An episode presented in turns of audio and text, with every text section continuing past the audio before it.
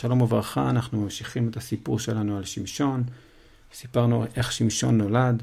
התפקיד של שמשון זה להושיע, להתחיל להושיע את עם ישראל מיד הפלישתים. סיפרנו איך, הוא, איך הייתה הבשורה שהוא ייוולד ואיך הוא נולד, ואז הייתה עליו רוח השם. ועכשיו אנחנו ממשיכים את הסיפור. שמשון גדל, הוא ירד למקום שנקרא תמנע, הוא ראה שם אישה פלישתית, והאישה הזאת מצאה חן בעיניו. אז הוא בא להורים שלו ואמר, אני רוצה להתחתן עם האישה הזאת שראיתי בתמנע, אישה פלישתית, אני רוצה להתחתן איתה. כדי שהוא יוכל להתחתן צריך שההורים שלו ידברו עם ההורים שלה. אז ההורים שלו אמרו לו, לא, למה אתה רוצה להתחתן עם אישה פלישתית? תתחתן עם אישה מה, מהאחים שלך, מהיהודים. למה להתחתן עם אישה פלישתית? שמשון אמר לו, אותה אני רוצה. שמשון פשוט, פשוט מצא חן בעיניו. אבל ההורים שלו לא יודעים שכל העניין הזה ששמשון ירצה להתחתן דווקא עם אישה פלישתית, זה מהשם.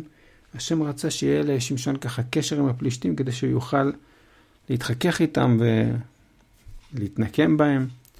אפילו שמשון בעצמו לא, לא יודע את זה, מבחינתו הוא רוצה להתחתן עם האישה הזאת, אבל התנ"ך מגלה לנו שבעצם יש מחשבה מאחורי זה של הקדוש ברוך הוא כדי ששמשון יתקרב לפלישתים.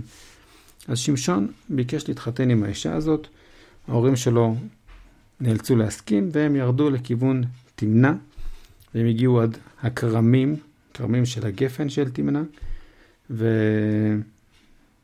ושמשון היה צריך ללכת בדרך שונה, כי יש שם כרמים, הוא לא יכול אה, להתקרב למקום של אה, כרמים, כי הוא נזיר.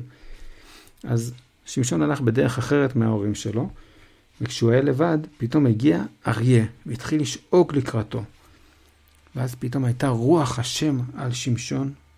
הוא פשוט תפס את האריה ושיסע אותו, פשוט חתך אותו כאילו שהוא גדי קטן.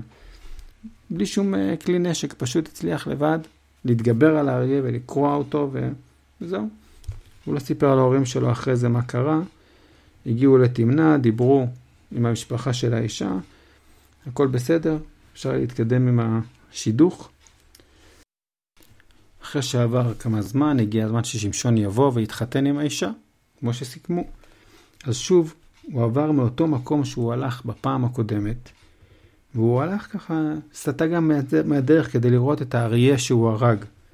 והוא רואה פתאום על האריה עדת דבורים, שככה הקימו על, בתוך הגבייה של האריה כוורת, ויש שם דבש.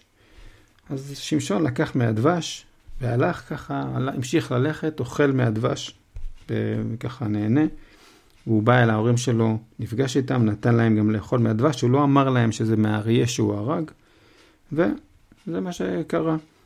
ואז אה, ההורים שלו גם הגיעו, באו לבית של האישה, וסיימו את, ה, את השידוך. עכשיו אפשר לעשות חגיגה של המשתה של, של החתונה, שמשון מתחתן עם האישה הפלישתית. עושים משתה, והגיעו כל מיני בחורים פלישתיים וחוגגים, ושמשון אמר לשלושים ככה בחורים שהיו איתו, פלישתים, אמר להם, יש לי חידה בשבילכם. אם אתם תגידו לי מה התשובה לחידה, בתוך השבעה ימים הקרובים, שבעת ימי המשתה, אני אתן לכם שלושים סדינים ושלושים חליפות בגדים. ואם אתם לא תוכלו להגיד לי את התשובה לחידה, אתם תיתנו לי שלושים סדינים ושלושים חליפות בגדים. אמרו לו שלושים מהחברים האלה, תגיד את החידה, בוא נשמע. הוא אמר להם, זאת החידה.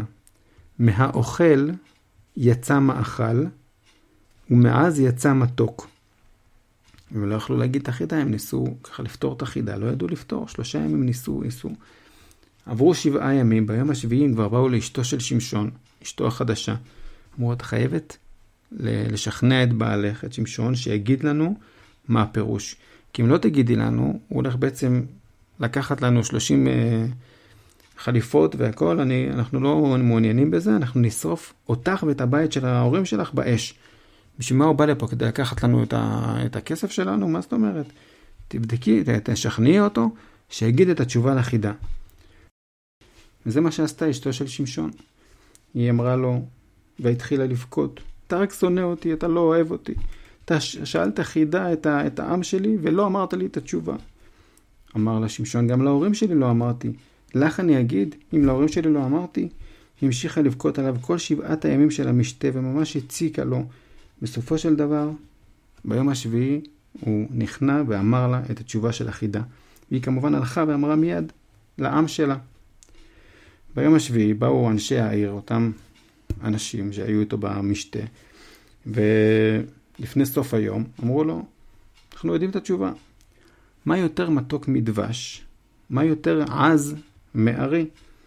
הרי הייתה החידה אמרה, מהאוכל יצא מאכל, ממישהו שהוא אוכל שזה אריה, יצא ממנו מאכל שזה הדבש, ומעז, שזה האריה, יצא מתוק, יצא משם הדבש. בעצם החידה של שמשון הייתה על המקרה שקרה לו, והם נתנו לו את התשובה.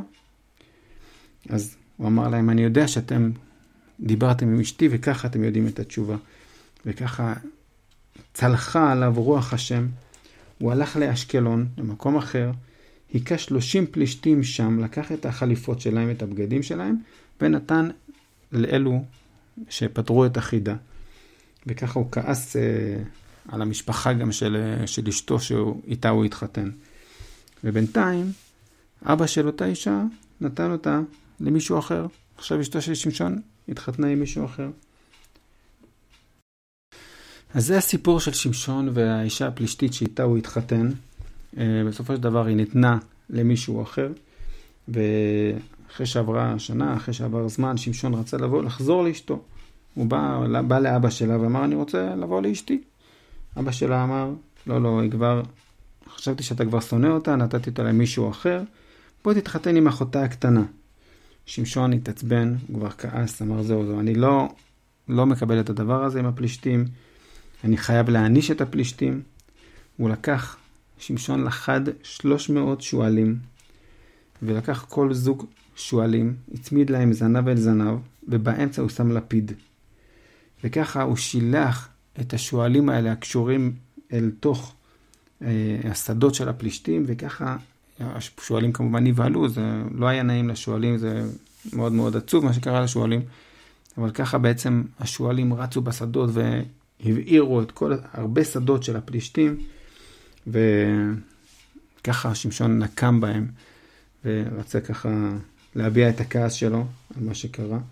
והפלישתים שאלו, מי עשה את זה? ואז הם הבינו שזה שמשון, על אה, מה שקרה לו עם אשתו, שהיא ניתנה למישהו אחר. והם באו וכמובן שרפו את המשפחה של אותה אישה. וזה הסוף של הסיפור העצוב של שמשון עם האישה מתמנה. זה לא סוף הסיפורים של שמשון, יש עוד סיפורים, זה גם לא האישה האחרונה הפלישתית ששמשון אה, מתחתן איתה. אנחנו אה, נספר את המשך אה, סיפורי שמשון בפרקים הבאים.